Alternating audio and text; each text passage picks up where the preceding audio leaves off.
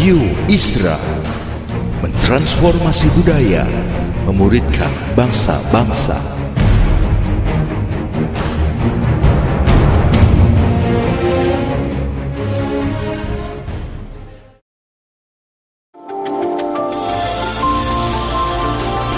Voice of Pradaim menyuarakan paradigma kebenaran firman Tuhan yang esensi untuk memperlengkapi Anda menggenapi misi dan panggilan ilahi. Selamat mendengarkan.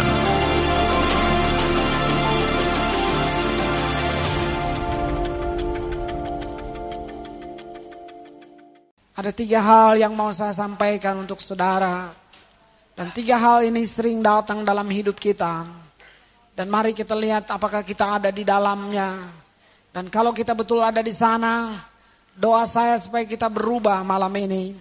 Hal yang pertama saya ingin kita mengetahui bahwa kita ternyata harus menyadari bahwa kita keliru bukan hanya tentang orang lain, tetapi kita keliru tentang Allah dan kita terliru tentang menilai diri sendiri. Nah tiga hal yang saya mau bilang, kita bisa keliru menilai orang lain. Cara kita melihat di waktu hati menguasai pikiran, maka kita ada dalam kondisi yang cukup buruk. Siap-siap untuk kita mengalami banyak kehancuran. Kita mulai salah menilai orang lain. Dalam hidup ini, cara kita melihat itu sangat menentukan. Kehidupan itu sendiri berjalan sebagaimana dia ada, tapi respon kita terhadap hidup ini itu yang menentukan, yang membuat kita sakit hati, yang membuat kita kecewa karena cara kita melihatnya. Kalau saudara sudah mulai tidak mengerti orang lain, maka kalau saudara pelihara itu, dan dia akan terus menjalar, dan dia akan terus naik. Saudara mulai tidak mengerti Tuhan. Saudara mulai bertanya, kenapa Tuhan? Kenapa aku sungguh-sungguh? Kenapa aku beribadah? Kenapa aku menjaga hatiku? Tetapi, tetapi, tetapi demikian. Kita mulai tidak mengerti Allah. Saudara yang saya kasih, saudara dan saya belum tentu bisa mengerti dia. Sebab dia Allah yang besar sekali. Kalau kita bisa mengerti Tuhan, mungkin kita yang jadi Tuhan. Dia bukan Tuhan lagi. Tapi kalau saudara tidak mengerti dia, dia masih tetap Allah. Dia besar, dia besar. Kita baru mengerti apa saja kalau Tuhan izinkan kita mengertinya. Kalau saudara tidak mengerti Allah, maka saudara akan naik lagi ke level yang berikut. Dan ini cukup parah buat kita, yaitu kita tidak mengerti diri kita sendiri. Mulai dari tidak mengerti lingkungan, tidak mengerti orang lain, Suami tidak mengerti istri, istri tidak mengerti suami, kita tidak mengerti teman kita, orang lain, orang fasik. Lalu naik tidak mengerti Allah. Dan kita penuh dengan pertanyaan-pertanyaan bodoh sekali. Dan akhirnya puncaknya kita tidak mengerti diri kita. Ada satu mazmur yang paling depresi. Salah satu mazmur yang depresi. Mazmur termasuk dalam kumpulan kitab-kitab puisi kalau kita mempelajarinya. Tetapi bagi saya Mazmur bukan puisi. Mazmur itu peperangan rohani. Kita akan melihat seseorang masuk dalam lembah emosional yang paling dalam. Bahkan dia ada di puncak emosi yang paling tinggi. Itu ada pada Mazmur. Dan Mazmur ini ditulis oleh seorang, di seorang pemazmur. Seorang penyembah Allah. Seorang yang kenal Allah sungguh-sungguh. Seorang yang dekat dengan Allahnya tapi dia sempat tidak mengerti Allah yang dia kenal. Dia tidak mengerti orang lain. Nah Mazmur itu adalah Mazmur 73. Saya mengajak saudara membukanya. Mazmur 73. Pergumulan dan pengharapan. Di dalam pergumulan masihkah ada pengharapan buat saudara? Tentu saudara sedang bergumul mengakhiri tahun ini. Ada banyak hal yang belum terselesaikan. Saudara juga sedang bergumul untuk apa yang harus kita buat di tahun depan. Tapi milikikah pengharapan itu? Kepada siapakah saudara gantungkan pengharapan saudara? Kalau janji manusia tidak bisa dipegang lagi, Masihkah ada yang bisa dipercaya dalam hidup ini? Masih. Bahkan dia berwibawa.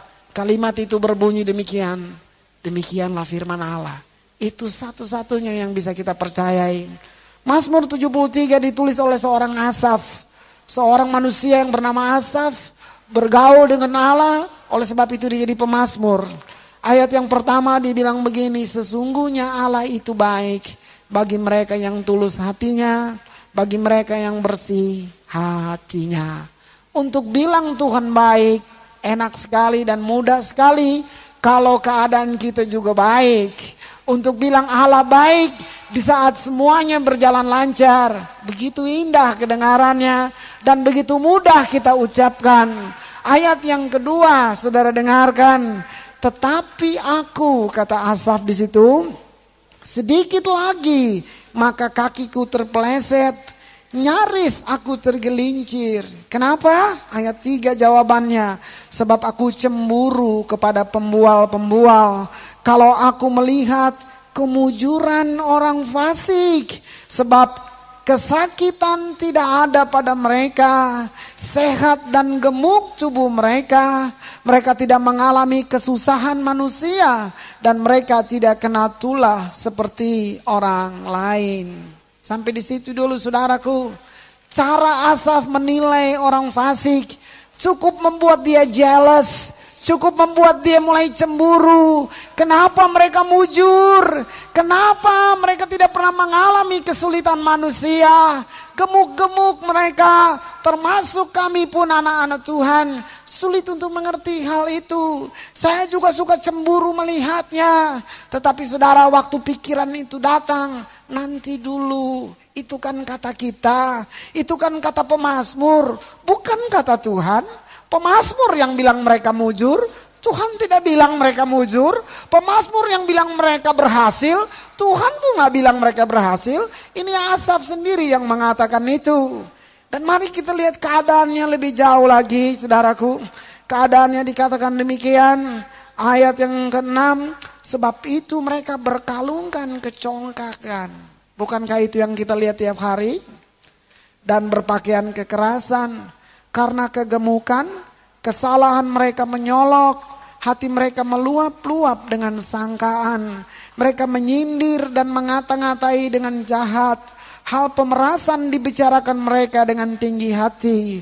Mereka membuka mulut melawan langit. Nah ini sudah kurang ajar saudara. Dan lidah mereka membual di bumi. Artinya dia menatap langit dan dia bilang gini, siapa dia yang di atas sana? Mazmur yang lain bilang begini, orang bebal berkata dalam hatinya, tidak ada Tuhan. Lihat itu? Nah ini orang di sekitar kita. Tahu mereka nggak berdoa rumahnya lebih bagus bukan? Mereka nggak berdoa dan mereka sukses. Nah itu sukses menurut pandangan kita. Asaf juga terkecok dengan hal ini. Lihat itu ayat 10, saudara. Sebab itu orang-orang berbalik kepada mereka, mendapatkan mereka seperti air yang berlimpah-limpah. Apa artinya? Lebih banyak pengikut di luar daripada di sini bukan? Lebih banyak orang fasik daripada orang percaya. Pengikut mereka berlimpah-limpah seperti air katanya. Benar saudara. Lebih banyak orang di sana. Nah ada satu perkataan Tuhan Yesus dibilang begini. Marilah kepadaku yang letih, lesu dan berbeban berat. Orang belum mau datang kepada Yesus kalau dia belum letih. Dia belum lesu. Saudara yang ada di sini semuanya. Setelah saudara letih, lesu, berbeban berat. Baru saudara datang di sini. Semua kita yang hadir di sini, saya pun tidak mimpi jadi pendeta. Tidak punya cita-cita untuk jadi pendeta. Keletihan, kelesuan membuat saya mulai melihat hidup ini nggak ada tujuannya. Saya perlu sesuatu yang lebih jelas.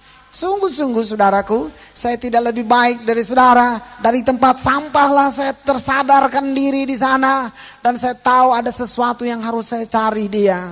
Nah, marilah yang letih, lesu dan berbeban berat. Selama orang itu belum merasakan itu, dia belum mau cari Tuhan. Pasti. Ya, saudara sudah coba injili dia beberapa kali, dia tetap gak mau datang. Tidak usah putus asa. Minta Tuhan yang injili, jangan saudara yang injili. Kalau saudara khotbah dia nggak dengar, izinkan Tuhan khotbah. Kalau Tuhan khotbah ndak perlu dana, ndak perlu panitia, gampang sekali kanker darah gitu loh saudaraku. Ya enak sekali kalau Tuhan khotbah paling lembut dia datang, ya kaki diikat, ya sudah di rumah sakit, selang di sini, kabel di sini, pipa di sini. Nah itu orang baru dia tahu siapa dia. Ada dua tempat, rumah sakit dan penjara. Membuat orang mulai mengerti siapa dirinya. Sungguh saudara yang kekasih, sama pengikutnya banyak. Ayat 11, dan mereka berkata, bagaimana Allah tahu hal itu? Nah sudah lihat itu? Ini orang di luar ini ya. Adakah pengetahuan pada yang maha tinggi? Sesungguhnya itulah orang fasik. Mereka menambah harta benda dan senang selamanya. Jangan hanyut dulu, ini yang bilangkan manusia. Ya, dia bilang senang selamanya, seakan-akan dia sudah hidup selamanya. Belum toh? Ya, itu saudara. Ini manusia punya punya pendapat ini dan mereka senang selamanya. Ayat 13 ini yang gak enak. Asaf sampai pada tingkat yang jelek sekali.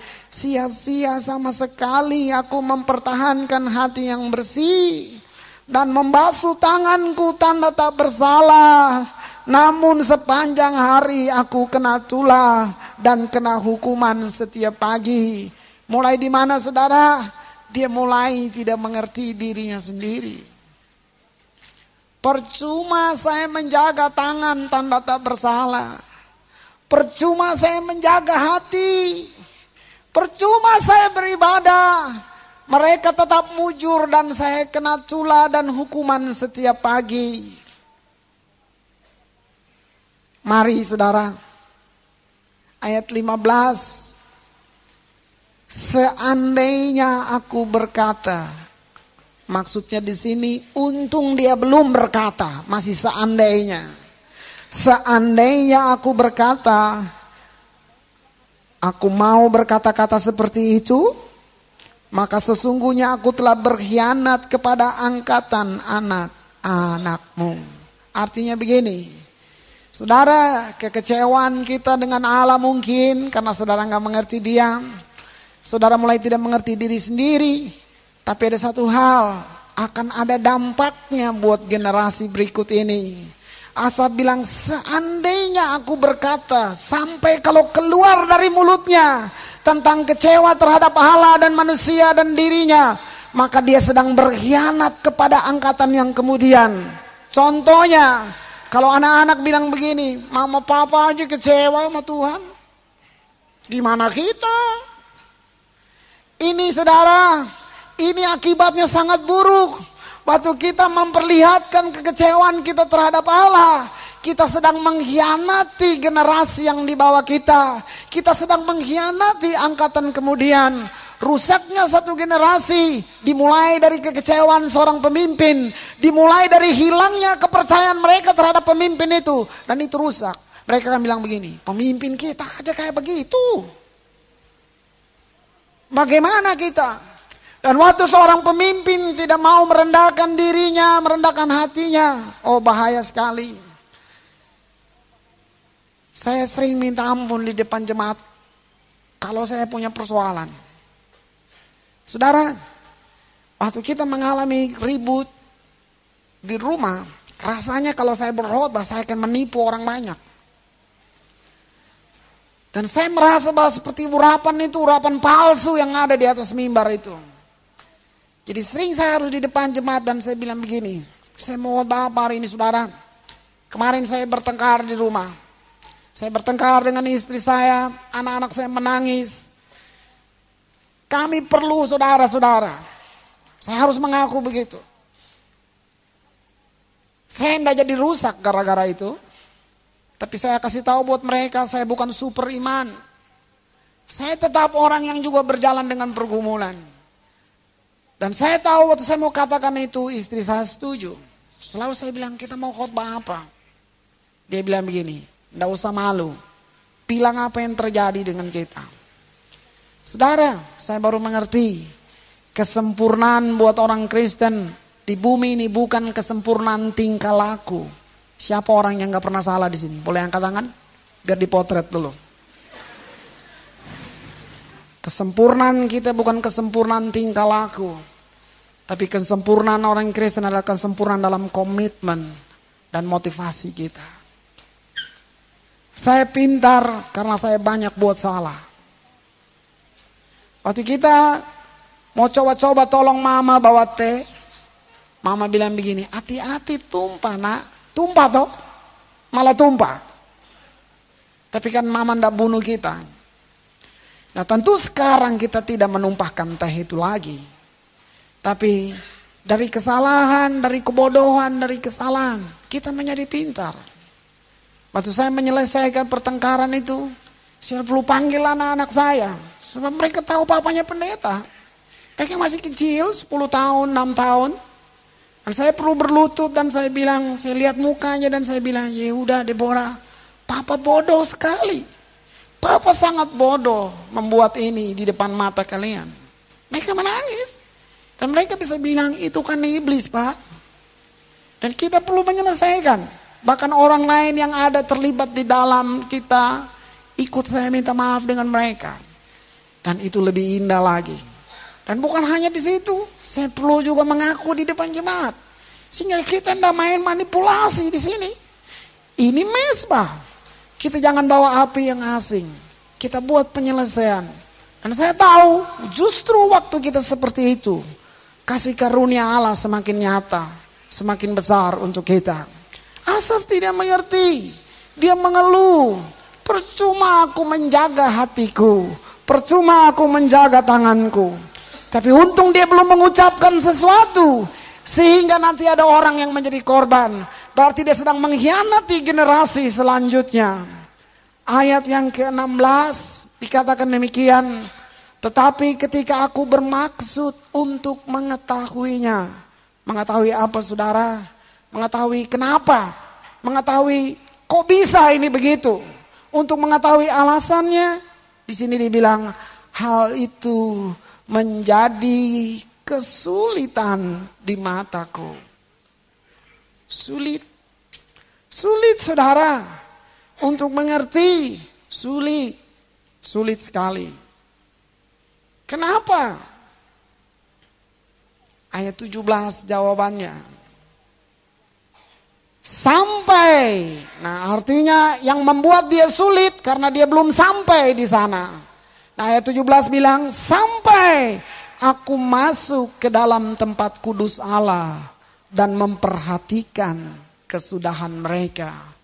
Tahun ini jangan saudara lalui dengan tinggalkan tempat kudus. Tapi masuki tahun yang baru dengan ada di tempat kudus Allah Daud cuma minta satu, satu hal ku pinta Tuhan. Bukan dua, bukan tiga, bukan sepuluh. Satu hal ku pinta daripadamu.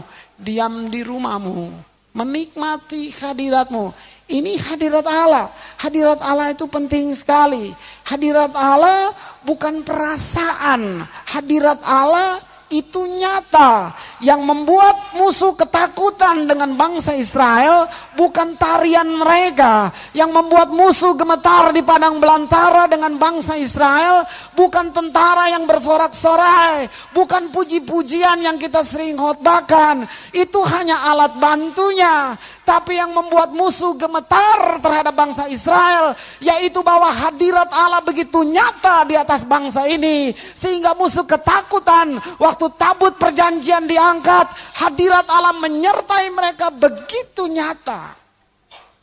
Membuat semua musuh gemetar. Hadirat Allah bukan perasaan. Kadang-kadang kita nyanyi di gereja, sementara menyembah, satu orang menangis karena dia merasakan jamahan Tuhan. Yang lain ketawa. Sementara di sebelah menangis, yang sini ketawa, dia bilang, siapa nih? Nangis. Nah, coba saudara pikir sendiri. Apakah pemimpin pujian tadi bilang begini? Begitu kita naikkan lagu ini, mari kita menangis semua. Nah dong. Tapi saudara lihat, apa yang membuat saudara menangis? Yang membuat saudara menangis karena saudara punya hubungan dengan dia. Saudara merasakan dia datang. Tapi orang lain tidak merasakan itu. Yang buat dia tidak merasakan bukan karena Allah tidak datang, tapi karena dia tidak punya hubungan dengan Allah. Ini bedanya. Ini bedanya. Jadi yang dibilang hadirat Allah nggak main perasaan. Sementara ibadah kita bilang begini, Tuhan hadir loh. Dari mana kau tahu? Merinding. Oh, kalau selama mau merinding di kuburan aja merinding. Kita nggak main-main begitu di sini. Tapi hadirat Allah nyata buat kita. Nah saudara, masuk di tempat kudus Allah. Saudara ada dalam hadiratnya. Dalam hadiratnya membuat saudara melihat akhir dari kesudahan mereka. Ayat sebelumnya aku sulit mengerti. Ayat sebelumnya aku sulit mengerti. Tapi ayat 17 aku ada di hadiratnya dan melihat akhir dari kesudahan.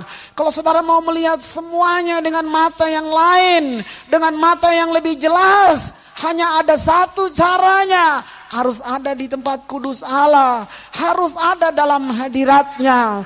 Apa yang membuat kita masuk dalam hadiratnya? Cuman satu, hubungan, pujian dan penyembahan. Penyembahan bukan menghafal lagu, penyembahan gak ada hubungan dengan musik. Penyembahan itu adalah perpaduan antara iman, ucapan syukur dan doa. Itu penyembahan. Nggak ada urusan dengan suara saudara fals gitu, nggak ada urusan. Penyembahan adalah perpaduan antara iman, ucapan syukur dan doa. Dan penyembahan adalah atmosfernya Allah. Kata yang dipakai untuk penyembahan adalah proskuneo. Artinya mencium. Mencium bukan karena distant, bukan karena jarak. Tapi mencium karena hubungan, karena pergaulan. Nah mungkin saudara keluar main cium orang aja di depan. Nah begini nih, saudara tahu. Kita mencium seseorang karena hubungan, karena hubungan yang intim. Itu dipakai untuk menyembah kata itu. Yang buat kita bisa naik di hadirat Allah cuma satu. Maukah itu menjadi gaya hidup kita? Menyembah dia. Lihat apa yang dilihat oleh Asaf ayat 18. Sesungguhnya di tempat licin kau taruh mereka. Beda bukan dengan laporan di bawah? Katanya senang selamanya, ya. Ayat-ayat sebelum katanya gemuk terus, ya. Buktinya ayat 18 bilang, Sesungguhnya di tempat licin kau taruh mereka. Kau jatuhkan mereka sehingga hancur. Betapa binasa mereka dalam sekejap mata. Lenyap habis oleh karena kedahsyatan. Seperti mimpi pada waktu terbangun ya Tuhan. Pada waktu terjaga rupa mereka kau pandang hina. Waktu Asaf ada di dalam hadirat Allah, dia bisa melihat kesudahan dari orang fasik. Mereka boleh sombong, boleh menatap langit dan mengata-ngatainya. Tetapi saudara dengar, mereka ada di tempat licin. Dalam sekejap mereka lenyap. Hari ini direktur, besok di penjara bukan? Iya dong, kita kan baca itu. Kita sedang enak-enak, kita enggak pikir.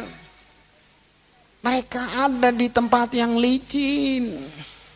Mereka ada di tempat yang licin. Oleh sebab itu Mazmur pasal 1 menasihatkan kita. Jangan bergaul dengan orang fasik. Jangan duduk dengan orang berdosa. Jangan berjalan di jalan pencemooh saudara. Ini sebab apa? Mereka ada di tempat yang licin. Mereka ada di tempat yang licin. Ayat 21 ketika hatiku merasa pahit. Nah ini mulai akibat ini. Ketika hatiku merasa pahit, itu merupakan apa saudaraku? Refleks daripada apa yang dilihat. Kepahitan muncul karena itu. Ketika hatiku merasa pahit dan buah pinggangku menusuk-nusuk rasanya. Aku dungu dan tidak mengerti seperti hewan aku di dekatmu. Satu ayat dulu. Pada hatiku merasa pahit. Ketika hatiku merasa pahit. Itu karena akibat. Refleks daripada cara saudara menilai sesuatu. Ini penting. Saudara, penilaian kita menentukan hidup kita. Ada dua orang di penjara. Dua-dua melihat keluar dari terali besi. Tapi cara mereka memandang arah pandangannya lain. Yang satu melihat bintang di langit. Yang satu melihat lumpur di bawah. Sama-sama melihat keluar. Tapi mereka mengarahkannya lain. Tergantung saudara melihat ke mana. Kalau dilihat langit dia akan bilang indah sekali di alam bebas ini. Kalau di luar enak di dalam. Di luar lumpur. Jadi di penjara terus. Dia senang di penjara. Cara kita melihat menentukan sekali saudaraku. Lalu ayat yang berikut dibilang sampai dia seperti binatang. Ayat 22 tadi, aku dungu dan tidak mengerti seperti binatang saudaraku. Oh, artinya apa? Kita sudah tidak berpikir lagi secara jernih. Hewan tidak punya kemampuan untuk mempertimbangkan, bukan? Kalau kita sudah seperti binatang, kita udah nggak bisa punya pertimbangan lagi. Hanya berjalan dengan naluri saja. Sudah sampai di situ. Mari saudara, diam di tempat kudus Allah. Itu luar biasa. Di tempat kudus, bukan berarti begini nih. Gue mau diam di kamar deh satu tahun. Gue gak mau terima tamu. Gak mau nonton TV. Gak mau baca majalah. Gak mau tahu sama dunia. Kalau ada telepon yang diterima sesat itu. Lalu saudara pikir kalau saudara keluar dari kamar, saudara kudus. Saudara satu tahun udah keluar-keluar, saudara keluar dari kamar. Di mana nih? Saudara nggak jadi kudus, saudara jadi kampungan. Bukan itu, diam di tempat kudus Allah itu berbicara tentang hubungan. Henok berjalan 300 tahun dengan Allah. Dan selama dia berjalan, dia bertukar pandang, dia bercerita dengan Allah, dia ngobrol dengan Allah. Oh luar biasa. Itu yang maksudnya diam di tempat kudusnya Allah. Saudara di pasar, saudara di mall, saudara bisa bilang Tuhan, bagus nih baju nih Tuhan. Ah, kenapa? Berdosa. Berdosa. Ya, saudara mau ke gereja, udah keren kan di depan kaca. Kenapa saudara bilang Tuhan keren nggak? Berdosa, menurut saudara berdosa. Menurut saudara doa yang suci itu yang gimana? Tuhan, berkatilah janda-janda di laut, udara, dan di darat, begitu? Yang suci itu yang gimana? Intim, hubungan, hubungan saudara. Saya mau bicara tentang hubungan, bebas. Ibrani menulis begini, kita memiliki keberanian untuk masuk dalam takhta kasih karunia. Perlu keberanian untuk ada di takhta kasih karunia. Ini dia saudaraku. Kalau enggak kita seperti hewan, kita pahit. Ayat 23. Ini pesan untuk saudara. Ini pesan untuk tahun depan. Ayat 23 bilang begini. Tetapi aku suka dekatmu. Engkau memegang tangan kananku. Oh luar biasa. Tetapi aku suka dekat padamu. Kata tetapi itu diterjemahkan ke bahasa Indonesia. Tapi terjemahan aslinya sebenarnya begini. Meskipun demikian. Jadi tetapi ini yang dipakai oleh Paulus. Kata yang sama dipakai oleh Paulus. Paulus adalah orang Kristen meskipun demikian. Paulus punya bahasa meskipun demikian. Meskipun demikian, Daud bilang sekalipun ayah dan ibuku meninggalkan aku. Meskipun demikian, ini penting. Asaf waktu lihat sudah sampai seperti hewan. Sekalipun sudah seperti hewan. Dia bangkit dan dia bilang, meskipun demikian, aku suka dekat padamu. Saudara, jadilah orang Kristen meskipun demikian. Di bumi ini banyak orang yang bermoral, banyak orang terpandang, banyak orang yang baik di masyarakat. Mereka kelihatannya sangat sosial sekali. Mereka bikin bakti-bakti sosial di mana-mana. Mereka punya reputasi yang baik di dunia ini. Tapi saudara temukan, saudara baca, saudara dengar beritanya bahwa kita akan lihat salah satu dari mereka bisa bunuh diri. Mereka bunuh diri bukan karena nggak ada beras di rumah. Mereka bunuh diri bukan karena pangkatnya yang berubah. Mereka bunuh diri bukan karena mereka bangkrut. Tapi mereka bunuh diri karena mereka tidak bisa mengatakan sekalipun demikian. Waktu mereka disinggung, waktu hak mereka dirampas, mereka akan kecewa dan mereka bilang, kenapa begini Tuhan? Itu masalahnya. Saudara, Paulus dapat mengatakan sekalipun demikian. Jadilah orang Kristen seperti itu. Sekalipun demikian, aku suka dekat padamu. Saudara percayalah bahwa dalam kondisi paling buruk, Allah tetap mengasihi kita. Ini yang saya mau bilang buat saudara. Allah tidak bisa mengurangi kasihnya. Tidak bisa. Allah tidak bisa mengurangi kasihnya. Kalau saudara murtad, Allah tidak mengurangi kasihnya. Kalau saudara murtad hari ini, Allah tidak mengurangi kasihnya. Tapi saudara murtad, saudara terlempar dari kasih Allah karena dia kudus. Bukan dia mengurangi kasihnya. Kenapa Allah nggak bisa mengurangi kasihnya? Karena kasihnya sempurna. Nggak bisa di, nggak ada bilang kelebihan kasih, nggak sempurna. Dia nggak bisa mengurangi. Allah pun tidak bisa menambah kasihnya. Saudara mau berdoa 10 jam satu hari, Allah nggak tambah sayang dengan saudara. Karena kasihnya sempurna, nggak perlu ditambah lagi. Kalau kita berdoa 10 jam, bukan Allah yang tambah sayang, tapi kita yang tambah mengasihi Allah. Makanya kita berdoa lebih lama dengan dia.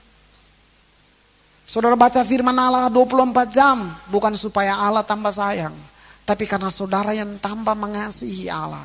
Saudara tambahkan waktu bicara saudara. Saudara tambahkan jam-jam saudara mendengar dia. Waktu Maria duduk di kaki Yesus, dan Marta memprotesnya. Dengar perkataan Yesus. Tuhan Yesus bilang begini, Marta, Maria sudah memilih apa yang tidak bisa diambil daripadanya. Banyak kita memilih yang salah. Tapi mari hari ini kita mau kayak Asaf. Tetapi aku suka dekat padamu. Lihat apa yang dia bilang di sini ayat 24. Dengan nasihatmu engkau menuntun aku. Jangan minta nasihat manusia untuk segala usaha saudara di tahun depan. Jangan minta nasihat manusia. Minta nasihat Allah. Sungguh saudara, datang ke tangan Allah. Buat salah lah, tapi di dalam tangannya. Daripada saudara benar di tangan manusia. Mending saudara buat salah di tangan Allah. Kita sering buat salah. Oh kita akan buat salah saudaraku. Cuman bedanya kita tidak tinggal di dalam kesalahan. Saudara masih bisa buat salah, tapi jangan tinggal dalam kesalahan. Kita boleh marah? Boleh marah. Marah-marah yang gak boleh. Marah saja boleh. Marah-marah gak boleh, saudaraku. Buatlah kesalahan. Tapi salah di dalam tangannya. Firman Allah bilang begini, jatuh dalam tangan Allah. Maka kita akan mendapat kasih karunia tapi kalau saudara jatuh di tangan manusia, saudara akan hancur. Apa artinya kasih karunia? Terjemahan dari kasih karunia ini, kemampuan Allah yang diberikan kepada manusia, yang terbuat dari tanah liat, sehingga manusia boleh berjalan dengan dia, bertukar pandang, bersanding, berbicara dengan dia, dan memanggil dia Bapa. Yang buat kita bisa seperti itu, karena ada kemampuan Allah, ada kasih karunia yang diberikan kepada kita. Ini saudaraku, meskipun demikian aku tetap bersamaku. Oh, Mazmur ini membawa kita mengenal anugerah yang besar dari Allah. Kita berada di hadapan Allah karena namanya kasih. Kita ada, kita menyembah dia karena nama dia kasih. Saudara tahu siapa nama Allah? Elohim. Itu nama artinya hubungan, pergaulan. Siapa nama Yesus? Immanuel. Allah beserta kita. Artinya Allah mau dengan kita. Tujuan Allah menciptakan manusia. Tidak usah susah-susah carinya. Allah, kenapa Allah ciptakan manusia? Alasannya satu. Dia ingin punya keluarga. Titik. Luar biasa. Sebab itu manusia dibuat serupa dengan gambarnya. Malaikat salah dibuang, saudara yang kekasih. Manusia salah, Allah menangis. Karena kita keluarganya. Ini luar biasa. Allah ingin punya keluarga, titik. Dan kita memanggil dia Bapa. Malaikat dilarang memanggil Tuhan Bapa. Hanya manusia manggil dia Bapa. Sebab itu kehendak bebas diberikan kepada kita. Kita tidak dibikin robot. Karena Allah juga Allah yang punya kehendak bebas, berdaulat. Dia taruh itu sifatnya di dalam saudara. Dan Allah sudah tahu waktu ciptakan manusia bahwa manusia akan meninggalkan dia dengan kebebasannya. Allah tahu. Luar biasa. Untuk apa Yesus tebus kita? Satu tujuan ini. Kita ditebus untuk menjadi sanak dekat dari Trinitas kembali. Untuk kembali menjadi keluarganya Allah. Tujuan yang lain, 1 Korintus pasal 6 mengatakan menjadi hakim yang sederajat dengan Allah. 1 Korintus 6 bilang begini, kita akan duduk di takhta bersama Kristus dan menghakimi dunia dan malaikatnya. Dahsyat men. Itu tuh kata-kata yang paling tepat sudah itu. Ini dia nih. Tujuan kita ditebus adalah menjadi makhluk yang berkuasa atas alam semesta. Kalau ada orang yang tampil beda di dunia, hanya orang Kristen. Beda. Kenapa beda? Karena Allahnya berjalan dengan mereka. Musa berdoa begini, jangan suruh kami pergi Tuhan, kecuali engkau berjalan dengan kami. Apakah yang membuat aku dan umatmu berbeda dengan bangsa lain? Kecuali mereka melihat bahwa kami mendapat kasih karunia. Beda, beda. Orang dunia lihat orang Kristen nih bilang, hebat nih. Allah mereka berjalan dengan mereka. Itu perbedaannya. Itu perbedaannya saudaraku. Nah, miliki kerinduan untuk bergaul. Maukah saudara bilang sekalipun demikian. Itu luar biasa. Kita jadi Kristen bukan karena kita orang baik. Tetapi karena sekalipun kita adalah orang jahat, Allah melimpahkan kasihnya untuk kita. Itu yang buat kita jadi Kristen bukan? Kita disampah, kita berdosa, Allah datang dan mengambil kita. Itu yang membuat kita jadi Kristen. Kita semua manusia ada dalam pasar dosa. Kita ada dalam satu pasar. Satu Yohanes pasal 5 mengatakan dunia ini dikuasai oleh si jahat. Semua ada di sana. Kita dijual. Kita ada dalam satu sistem. Saudara dan saya seperti ikan, seperti kangkung yang diikat. Seperti semua benda-benda yang ada di pasar itu. Nama pasarnya dosa. Tidak ada satu yang bisa keluar dari pasar kalau nggak ada yang menebusnya. Tomat nggak bisa bilang gini, gua nggak betah di pasar. Gua mau kembali deh ke kebun, nggak bisa. Coba aja dia kembali sendiri. Ya, itu ikan yang udah geletak itu bilang, duh nih amis banget di sini nih. Gua kembali lagi deh ke laut. Coba aja. Nggak bisa, mesti ada sesuatu yang datang, terjadi tukar menukar, baru dia bisa pindah dari pasar itu. Kita ada di pasar dosa, saudara. Kita diinjek-injek. Iblis menjual kita dari dosa ke dosa. Yesus datang ke pasar itu. Dan dia tebus, saudara. Dia beli, saudara. Dia beli kita semuanya. Dengan darahnya. Dengan nyawanya. Dia ambil kita dari pasar dosa. Pindah masuk ke kebun anggurnya. Kita dibawa ke sana. Luar biasa, saudara. Itu kasih karunia. Kalau kita ada sekarang cuman karena itu saja. Kasih karunia. Ayat 24. Dengan nasihatmu engkau menuntun aku. Dan kemudian engkau mengangkat aku ke dalam kemuliaan. Ini yang saya mau bilang buat saudara. Kemuliaan saudara. Ya saya 60 bilang kemuliaan Allah nyata.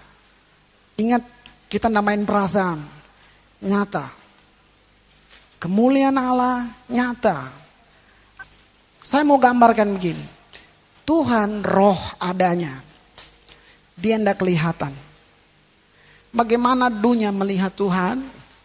Lewat saudara.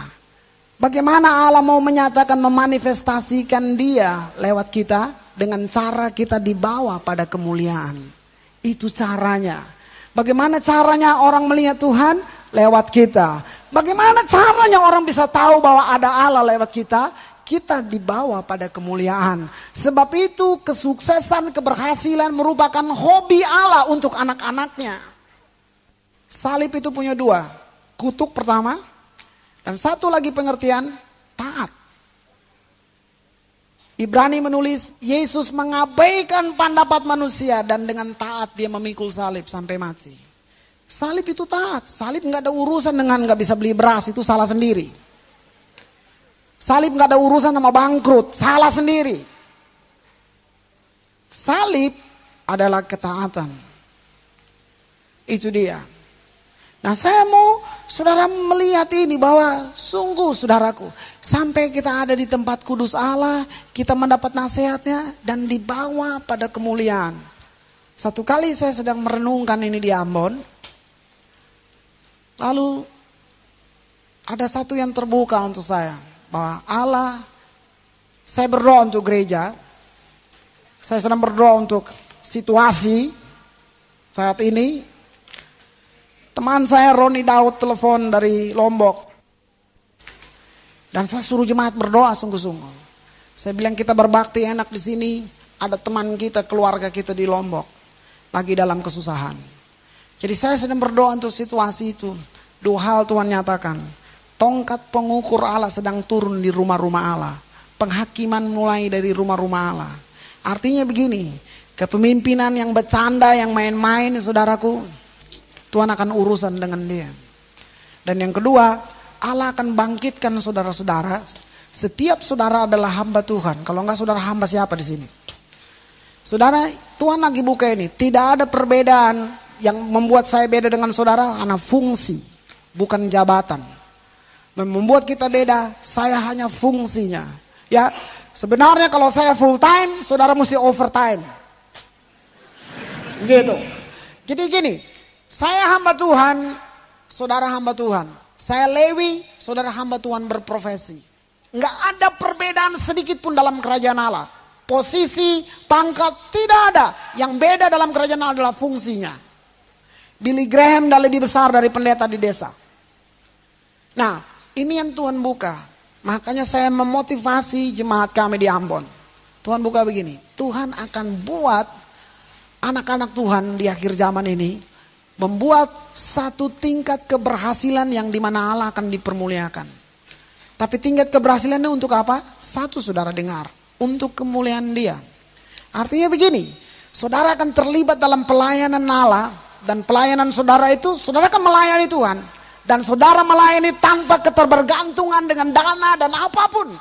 Jadi Allah akan buat satu generasi yang betul-betul murni menegakkan kerajaan Allah. Dan saya mau bilang buat saudara, waktu saudara ada niat untuk menegakkan kerajaan Allah, mata Allah tidak pernah akan berpaling dari saudara. Dia akan terus melihat saudara sampai itu jadi. Sampai itu jadi. Sungguh, ini kemuliaan. Ini yang dibilang God promotion. Allah akan mempromosi saudara. Waktu saudara di puncak karir, saudara ngomong Tuhan, semua orang dengar. Semua orang dengar. Ini ada kesalahan besar dan saya perlu beli pengakuan umum di sini. Ada kesalahan, kesalahan dari orang-orang kaya, orang-orang besar, orang-orang berhasil, dan kesalahan hamba-hamba Tuhan. Salahnya begini, kita belum bertumbuh, kita belum mengenal kasih karunia, tapi kita sudah terlibat dalam banyak pekerjaan dan terjadi hal-hal yang rusak di sini. Mereka datang dengan uang, mereka datang dengan pangkatnya, dan mereka pikir mereka berjasa terhadap Allah. Ini kesalahannya. Artis-artis datang naik di panggung, nyanyi di KKR lah dipikir, Tuhan utang budi sama gue loh, gue nyanyi di KKR. Hei, malaikat yang paling jelek nyanyi lebih bagus dari dia. Allah ndak butuh itu semuanya. Sama kalau saudara bantu pembangunan gereja, jangan pikir Allah utang budi dong. Kenapa saudara berpikir itu? Sebenarnya saudara belum bertumbuh. Nah, Pendeta juga salah. Pendeta kalau udah ketemu orang kaya urapannya hilang langsung. Heran. Langsung hilang urapannya. Wahyu-wahyu hilang semuanya. Saya nggak ngerti kenapa tuh. Aduh. Nah, ini nih dua kesalahan nih. Makanya Allah lagi berurusan sekarang nih sama gereja duluan. Ini janjinya sampai aku dibawa dalam kemuliaan. Oh saudara sungguh-sungguh. Sungguh. Benar. Nah kalau pribadi mungkin saya lebih bebas ngomongnya. Saya menjaga ini mimbar. Tapi benar. Allah akan buat umatnya sampai tidak bergantung dengan apa pun. Mereka akan self support mereka punya pelayanan. Tiba-tiba mereka lagi di kantor, suara Tuhan datang. Berangkat ke Amerika. Ada orang mau bunuh diri di sini. Kau datang, injili dia dan pulang lagi. Uh, pelayanan apa itu? Nah memang itu dia.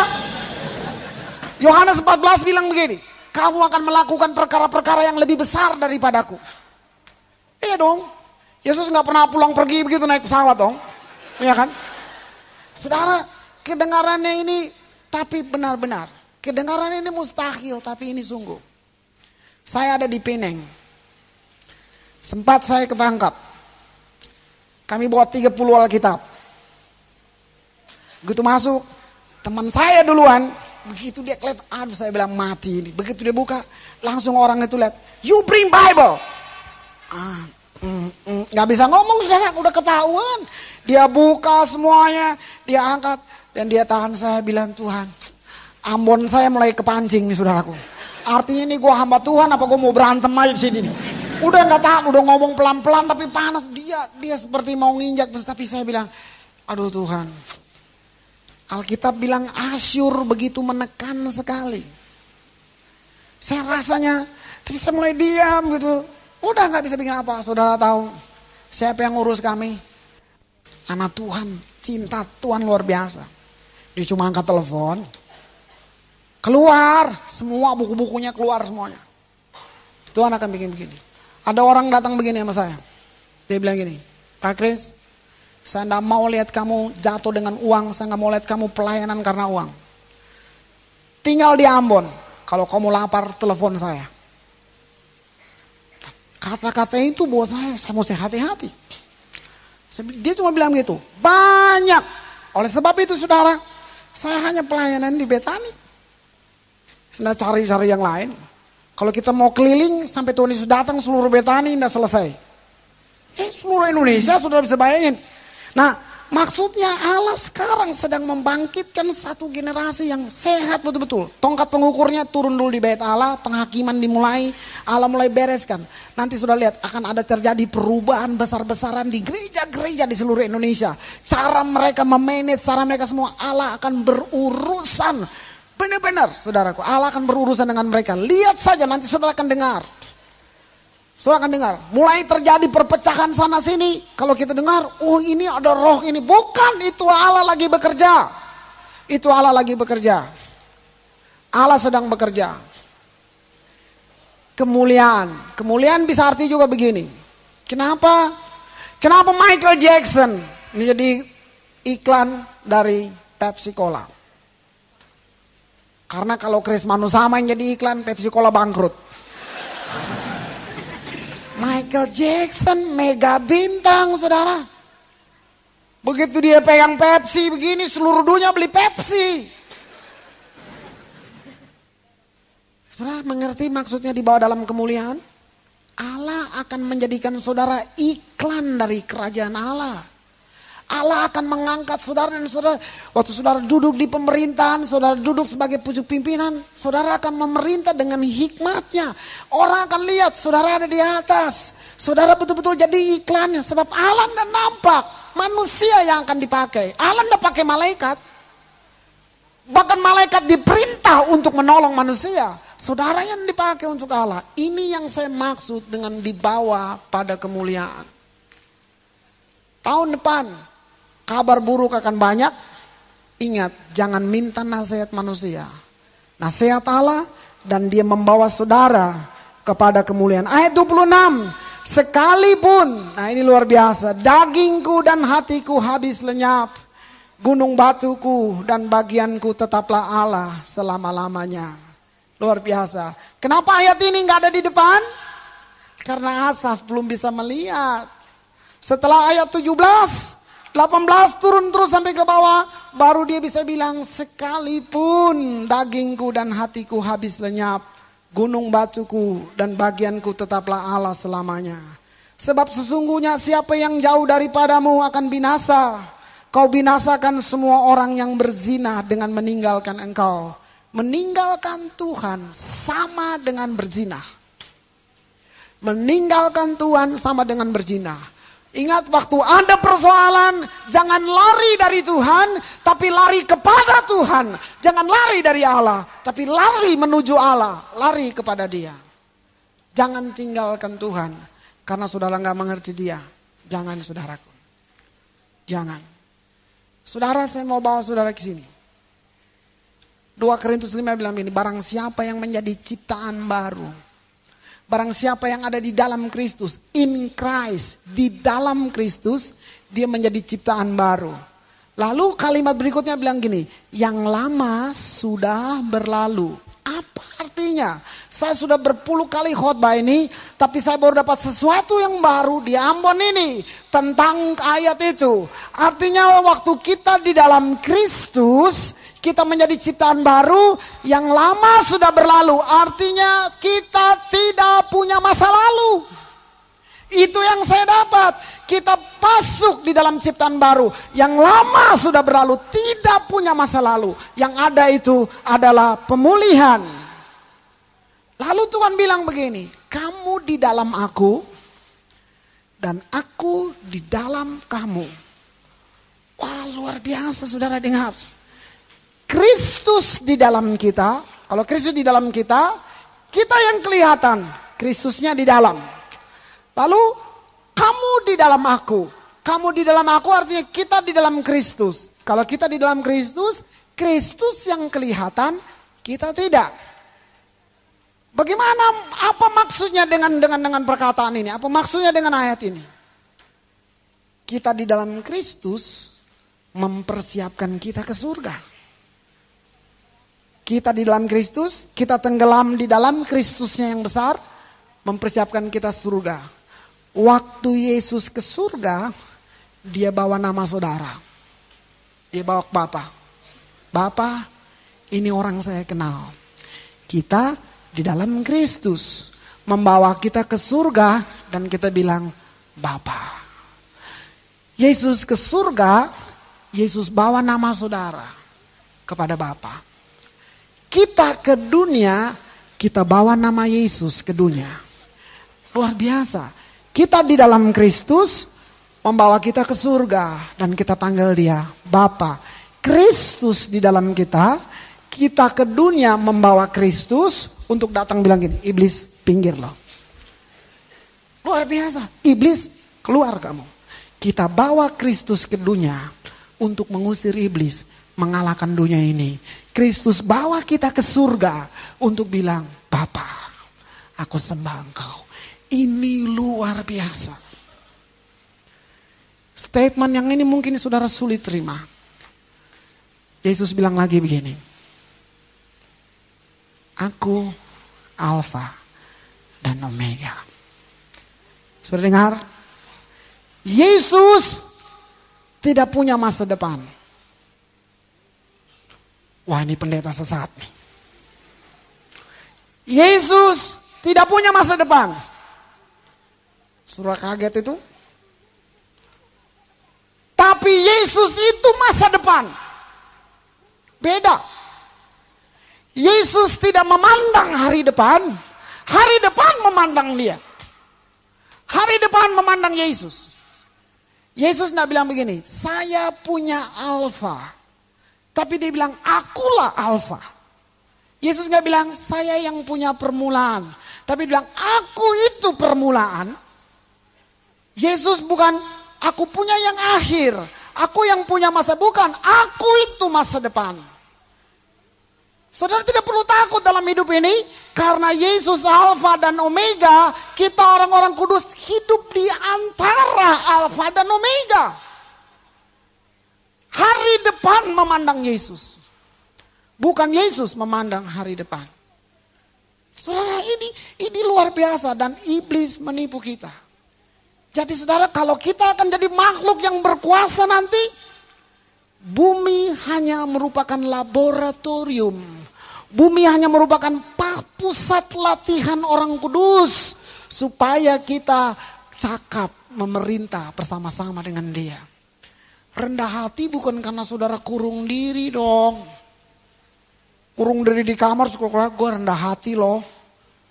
Nggak bisa, rendah hati tuh di padang gurun, digampar, dimaki. Tapi kita diem aja. Itu kita rendah hati. Sungguh. Kekudusan tidak terjadi karena saudara baju putih, pakai salib. Ah, enggak, belum pakai kalung salib. Tanya dulu tuh salib Tuhan Yesus apa salib penjahat yang di sebelah. Salib juga kan? Iya dong. Saudara mari lihat. Kekudusan terjadi karena campur tangan Allah di dalam hidup kita. Itu. Saya baca satu dari Robert Liarden. Dia bilang ini ada seorang penginjil wanita. Kalau dia tampil. Make upnya, kuteksnya, semuanya. Waduh, tapi urapannya luar biasa. Lalu orang bilang gini. Apa yang membuat dipakai Allah luar biasa seperti ini? Oh, mereka bilang begini. Oh, dia ini pakai elektrik. Jadi kalau dia tumbang tangan orang kesetrum itu dia ada pakai elektrik. Coba lihat mungkin dieselnya ada di bawah nih di basement katanya begitu. Dan ada wartawan datang dan nyelinap mau selidiki penginjil wanita ini. Dia datang, dia selin, masuk di basement, dia cari. Dia dengar suara ribut, dia bilang, ah ini dieselnya di sini nih. Tahu, waktu dia buka pintunya, dia lihat ada ibu-ibu, oma-oma lagi berdoa untuk wanita ini. Dia bilang, rupanya ini listriknya, dia bilang. Rupanya ini, saya mau beritahu. Kekudusan tidak terjadi karena saudara pakai baju putih dan semuanya. Kekudusan tidak terjadi karena saudara diam di biara. Kekudusan terjadi. Kekudusan bukan standar, tapi kekudusan itu kondisi. Kondisi. Kalau kita ciptakan standar kekudusan kita kalah sama orang di India. Dia buang bayi di sungai Gangga. Orang Kristen belum sampai seperti itu. Kita masih kalah sama agama-agama lain. Tapi kekudusan sudah dengar. Bunga teratai itu hidupnya di lumpur. Dia nggak jadi lumpur. Dia jadi bunga yang bagus. Dia nggak berubah. Waktu bangsa Israel ditawan di Babel. Mereka nggak jadi Babel. Saudara tahu waktu orang Israel pulang dari Babel. Nehemia pulang membangun bait Allah. Zakaria keluar dari sana. Esra keluar dari sana, Yeremia keluar, kitab-kitab yang luar biasa, Daniel keluar, Daniel dibuang pada umur 16 tahun. Mereka mereka tidak berubah, mereka tetap jadi manusia Allah. Itu kekudusan, Saudara. Itu kekudusan. Sungguh saya mau bilang buat Saudara, ayat yang terakhir di sini dikatakan sebab sesungguhnya ayat 28, tetapi aku suka dekat pada Allah. Aku menaruh tempat perlindunganku pada Tuhan Allah. Supaya apa saudara dapat menceritakan segala pekerjaannya. Kalau orang tanya begini, jadi dokter buat apa pak? Ya supaya punya rumah bagus deh, ada mobil dikit. Kalau itu cita-cita saudara sama aja sama orang kafir. Dia juga jadi dokter supaya punya rumah, punya mobil. Pak, punya pabrik, banyak-banyak buat apa sih? Ini dong supaya kita terpandang di masyarakat, anak-anak terjamin punya masa depan. Kalau cuman itu jawabannya sama aja sama orang kafir. Dia juga gitu punya perusahaan banyak-banyak buat begitu. Dengar ayat ini. Hanya cuman satu untuk menceritakan. Untuk menceritakan kalau saya berhasil, kalau saya punya pangkat, saya punya kekayaan, supaya dapat menceritakan segala pekerjaannya. Roma pasal 14 mengatakan, aku hidup untuk Kristus dan mati pun untuk Kristus. Jadi hidup baik matiku adalah untuk Kristus. Martin Luther mengatakan ini, waktu aku mengikat tali sepatu, aku mengikatnya demi Kristus. Saya akan akhiri dengan satu cerita. Ada seorang penginjil, penginjil di Afrika. Dan istrinya mati, anaknya mati di sana. Dan dia pulang ke Amerika. Waktu mereka transit di satu negara, bertepatan dengan itu naiklah rombongan olimpiade. Rombongan olimpiade yang menang dan membawa pulang banyak medali. Oh orang bersuka cita sekali. Mereka merayakannya di dalam pesawat itu. Dan penginjil ini menonton. Hebat sekali. Oh mereka inilah pahlawan-pahlawan. Mereka luar biasa, diperlakukan sangat istimewa. Dan waktu mereka turun di Los Angeles, waktu mereka mendarat, dia melihat dari kaca pesawat itu, dia lihat karpet merah, dia lihat marching band, dia lihat semua orang memainkan trompet, tari-tarian, umbul-umbul dipasang. Waktu mereka turun sorak-sore gegap gempita, bunga dikalungkan, semua mendapat cium manis. Luar biasa penginjil ini sampai terharu, terpana, kagum dan semuanya. Sampai mereka selesai dan baru dia turun. Waktu dia turun itu, dia merasakan kesunyian yang sangat sunyi. Gak ada orang sambut dia. Gembala sidang gak sambut dia, apalagi ketua sinode. Gak peduli dengan dia. Dan waktu dia lihat itu semua, dia tadinya gak mau protes, tapi dia bilang begini, kenapa saya ada dalam kondisi ini? Lalu dia lihat langit, dan dia bilang, Tuhan, saya rasa ini tidak fair. Mereka sungguh-sungguh memang pahlawan, mereka bawa medali, dan mereka pulang disambut. Tapi istri dan anakku mati di ladang misi. Saya pulang tanpa ada yang menjemput saya. Saya rasa ini tidak fair Tuhan. Saya pun warga Amerika, Tuhan bicara langsung di situ. Kedengaran di telinganya.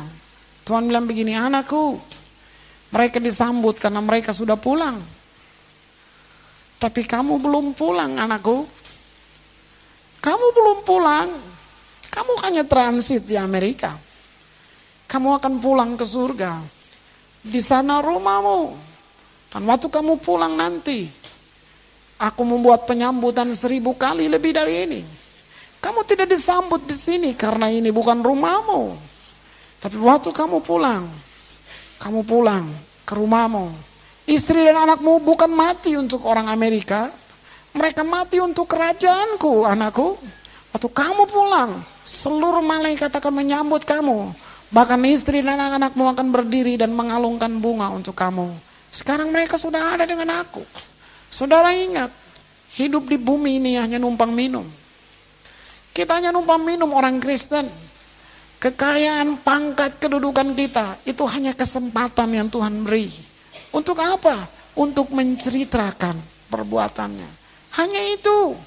Di tanah yang 2 meter nanti kita masuk di situ. Mobil kita juga nggak ikut. Nggak bisa ikut. Coba saudara, waktu saya bilang ini, ini investasi untuk kekekalan. Ini benar sekali. Tuhan akan pakai saudara.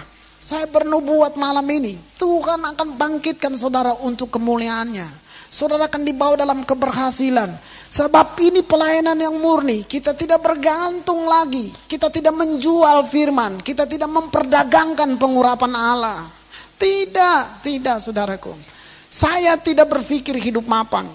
Tidak saudaraku. Saya jujur di depan saudara. Waktu itu saya tidak mengerti Allah. Untuk tahu Mazmur 73 saya harus ada di Ambon.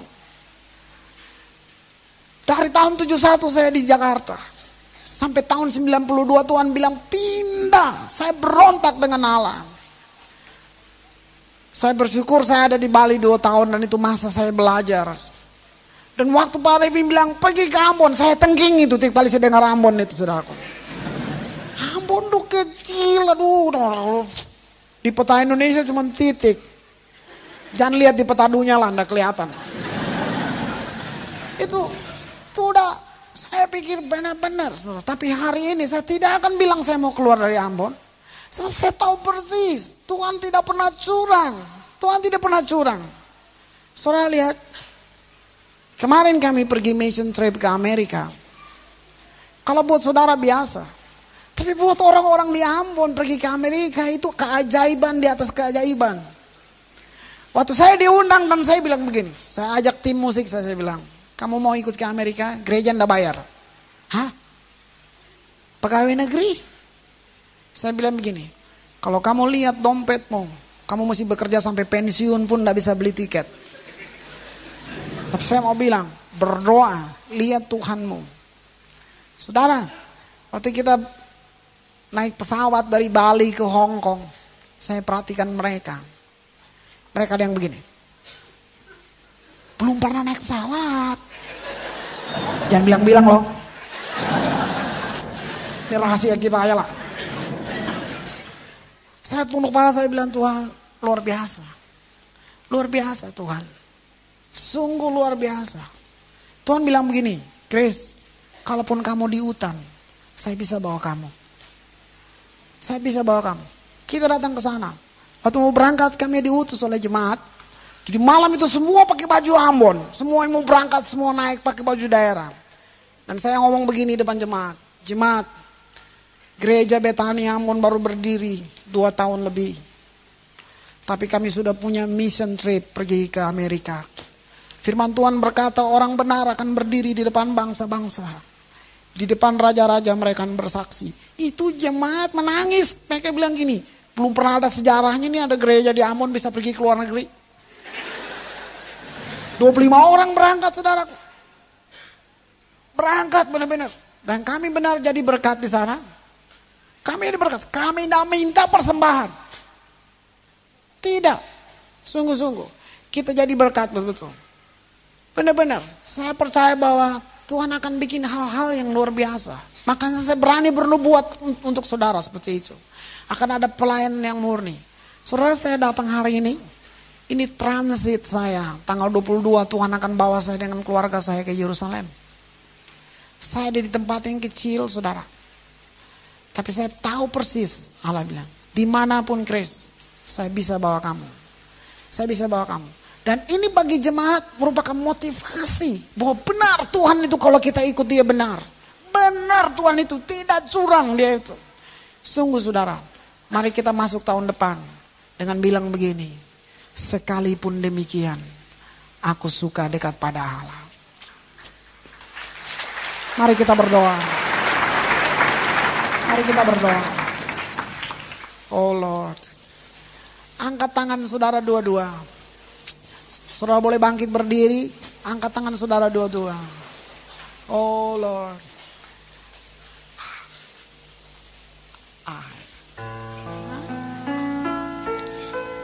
I am the God that healeth thee.